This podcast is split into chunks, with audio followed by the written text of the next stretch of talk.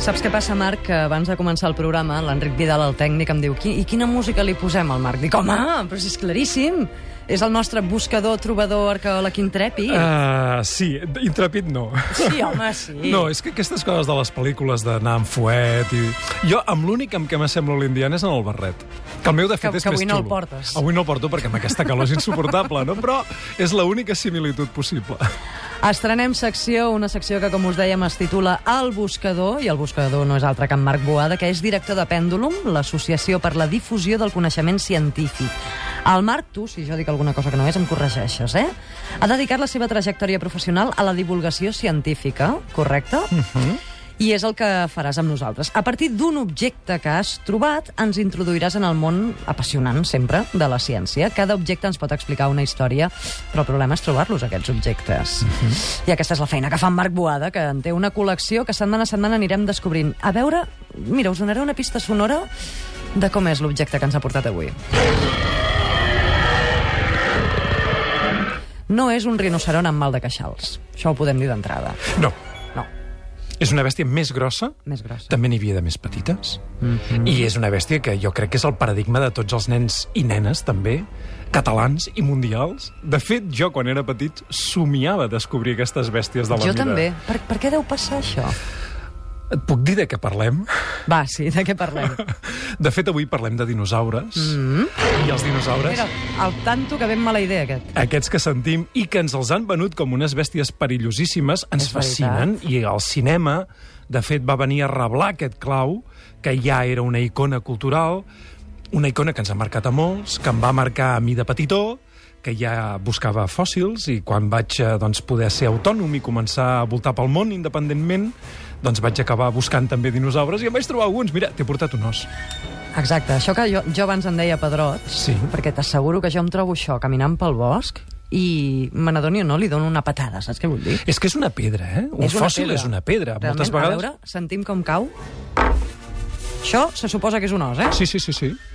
És, és un o os de- era un os? Era un os que, mm, diguem, amb un procés complex de caire geològic s'ha acabat petrificant, i aquesta és la gràcia dels fòssils, que conserven la forma perfecta del, del material original, i a més, en aquest cas, fixa-t'hi que té, la, té una estructura, és a dir, la seva superfície ens mostra unes ratlletes, unes cavitats, Sí. una porositat... Sembla que, hi ha un tros que, que, que està tallat, diguem-ne, que li falta, trencat. i l'altre sembla una articulació. És una articulació, de fet, això que tenim aquí és una falange d'una- d'un peu d'un dinosaure semblant a un, iguano, a, a un iguanodó.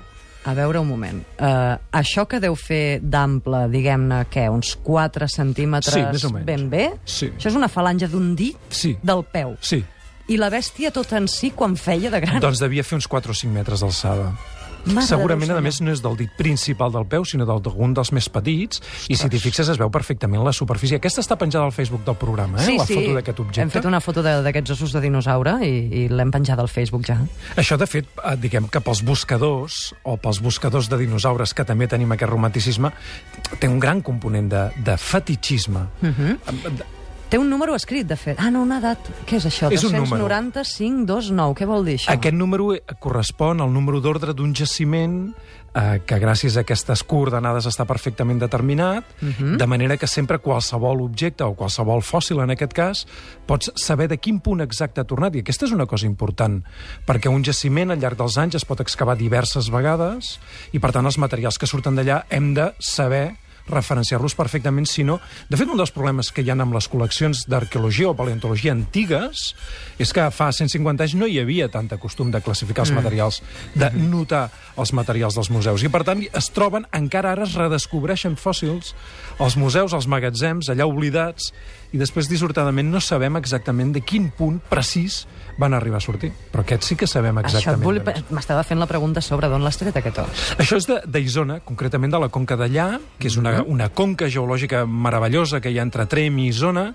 Això que és el Pallars, no? És el Pallars Jussà, no és el, el Sobirà. És a darrere del Montsec, entre el Montsec i la Serra del Boumort, Serra del Carreu, Sant Corneli, una, una regió meravellosa de Catalunya, amb, no, amb no massa turisme i amb uns jaciments eh, de, de fòssils, de dinosaures en aquest cas, que és una cosa d'aquelles que no pensem que puguem tenir a casa nostra. I per què es troben allà, concretament allà, tanta De fet, resta? allà es, eh, es van poder sedimentar els ossos dels dinosaures. Pensem que allò era molt diferent de com ho veiem ara a l'actualitat. Ara ens acostem allà i veiem una, una gran vall de secà, amb el blat i les gramínies ben daurades en aquest moment, serralades, però això era molt diferent fa 65 o 70 milions d'anys.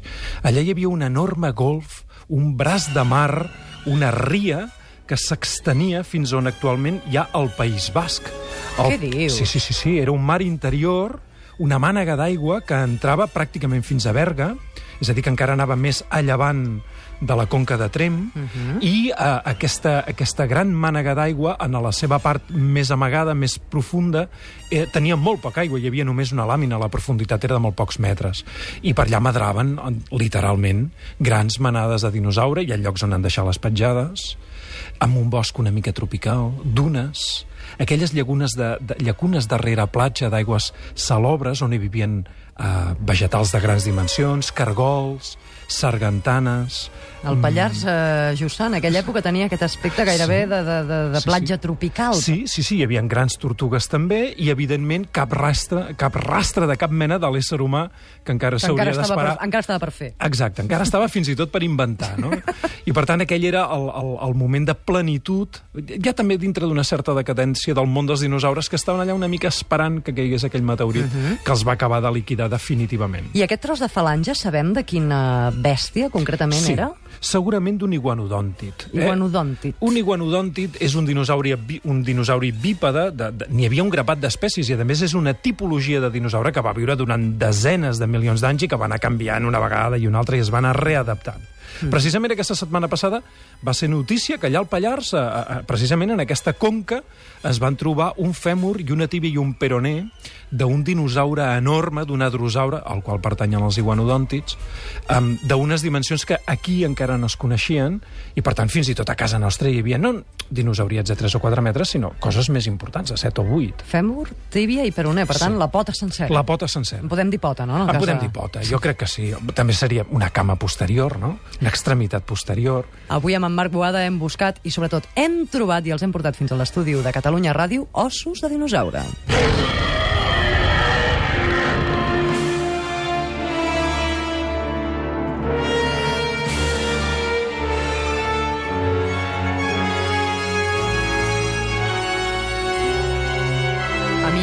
Que em meravella, Marc, és que aquests fòssils, aquests ossos, hagin resistit, doncs, què m'has dit, 60 milions... eh, Sí.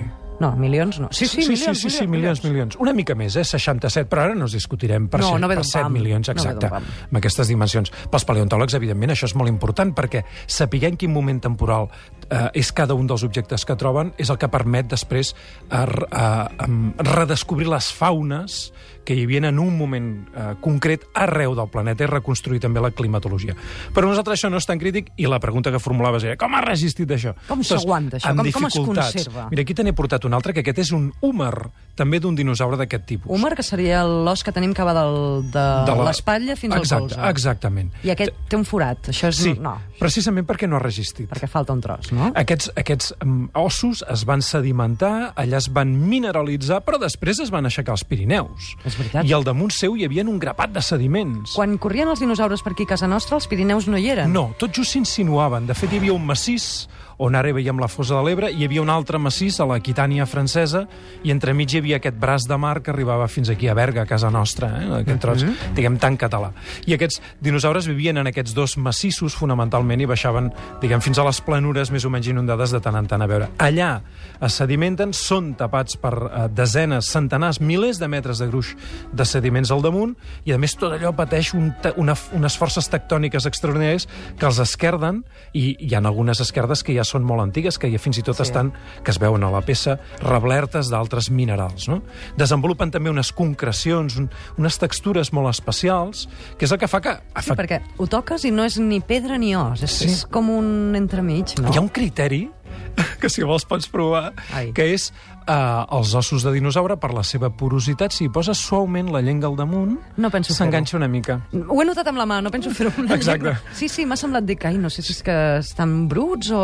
Són un punt enganxosos, és veritat. Sí. I és la porositat de les pròpies cavitats cel·lulars que s'han conservat. De fet, en aquests ossos, jo n'he agafat algun retall, els he tallat, els he polimentat amb un material, amb diamant, uh -huh. i quan estan perfectament brunyits, com una peça de marbre d'unes escales, pots comptar les anelles de creixement de de dinosaure i fer una estimació aproximada de la seva edat. De l'edat del dinosaure. Sí. Això és ja jugar a, a fer de CSI, no?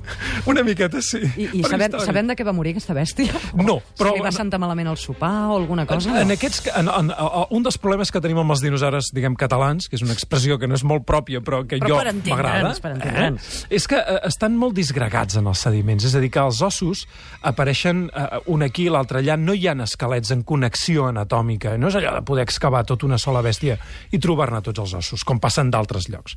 Això fa que sigui molt difícil reconstruir diguem, la vida del bitxo. Però en llocs on s'ha fet això, per exemple, als Estats Units, es troben animals que tenen tota mena de traumatismes. O sigui, alguns que se'ls van menjar depredadors i directament els hi van foradar les vèrtebres, els hi van trencar el coll, d'altres que potser van trencar-se una cama i amb aquella ferida ja no es van poder alimentar i van, van patir una deformitat de l'os i una infecció que es pot trobar en els fòssils, i per tant sí que a vegades hi ha algunes pistes, però en general hi han coses que el, el registre eh, no conserva el color de la pell, no sabem quin és. Clar. La textura, molt, molt rarament se'n troba alguna mostra. A vegades es troba el contingut estomacal, però només d'aquelles coses més resistents. Per exemple, agulles de pi, vegetals molt sòlids. Costa, per tant, que algunes dades de la vida íntima dels dinosaures arribin fins a nosaltres. Però deixem que m'enrotlli un moment. Home, tant. Aquest dia vaig llegir un article que em va deixar absolutament al·lucinat, i és que tots sabem que hi ha animals que viuen en galeries, que excaven caus, no? Els teixons, els conills. Els dinosaures també. Alguns, no? Alguns. Però jo, jo és que em pensava que això no deixaria testimoni en el sediment, no? Clar. Doncs a Austràlia s'ha trobat una... excavant un jaciment de dinosaures, s'ha trobat una cavitat que s'ha excavat i s'ha deduït que era el cau d'un dinosaure petit que feia com un metre, més o menys, seria un gos de mida grossa, eh, i que vivia allà amagadet amb els seus ous, la mar de feliç i content. Fins que alguna cosa va passar al planeta Terra que va fer que, que aquests eh, animals o aquestes bèsties desapareguessin, anava a dir sense deixar rastre, no, perquè justament avui ens n'has portat de rastre. M'has portat més ossos, aquest més allargat que, perdona, sembla un moniato.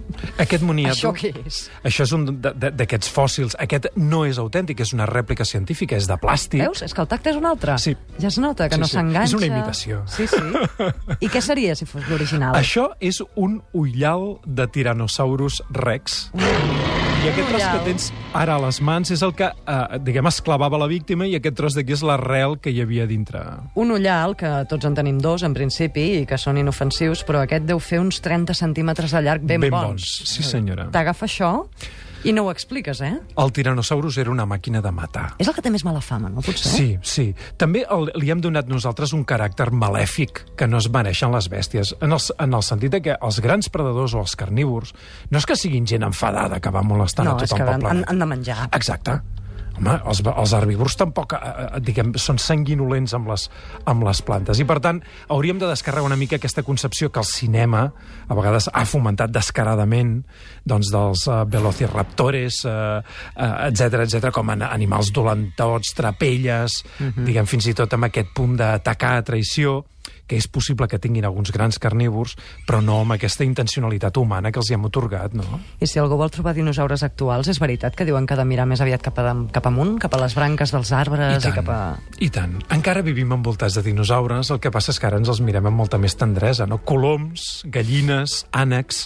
Són hereus dels dinosaures i cada cop hi ha més proves científiques absolutament correctes que demostren que els ocells són els descendents directes dels dinosaures uh -huh. i que la ploma són les restes d'aquelles escates. Marc Boada, vindràs cada dimarts, oi, a aquesta hora? I tant que sí. És que estarem encantats de rebre't. I així com avui ens has portat ossos de dinosaure, quins altres objectes en, ens pots portar altres setmanes? Doncs intentaré portar algun objecte viu molt estrany. Viu? Sí, Hem d'avisar seguretat? O... En absolut.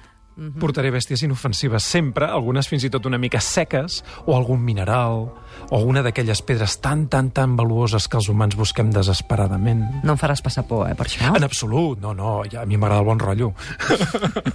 Així m'agrada.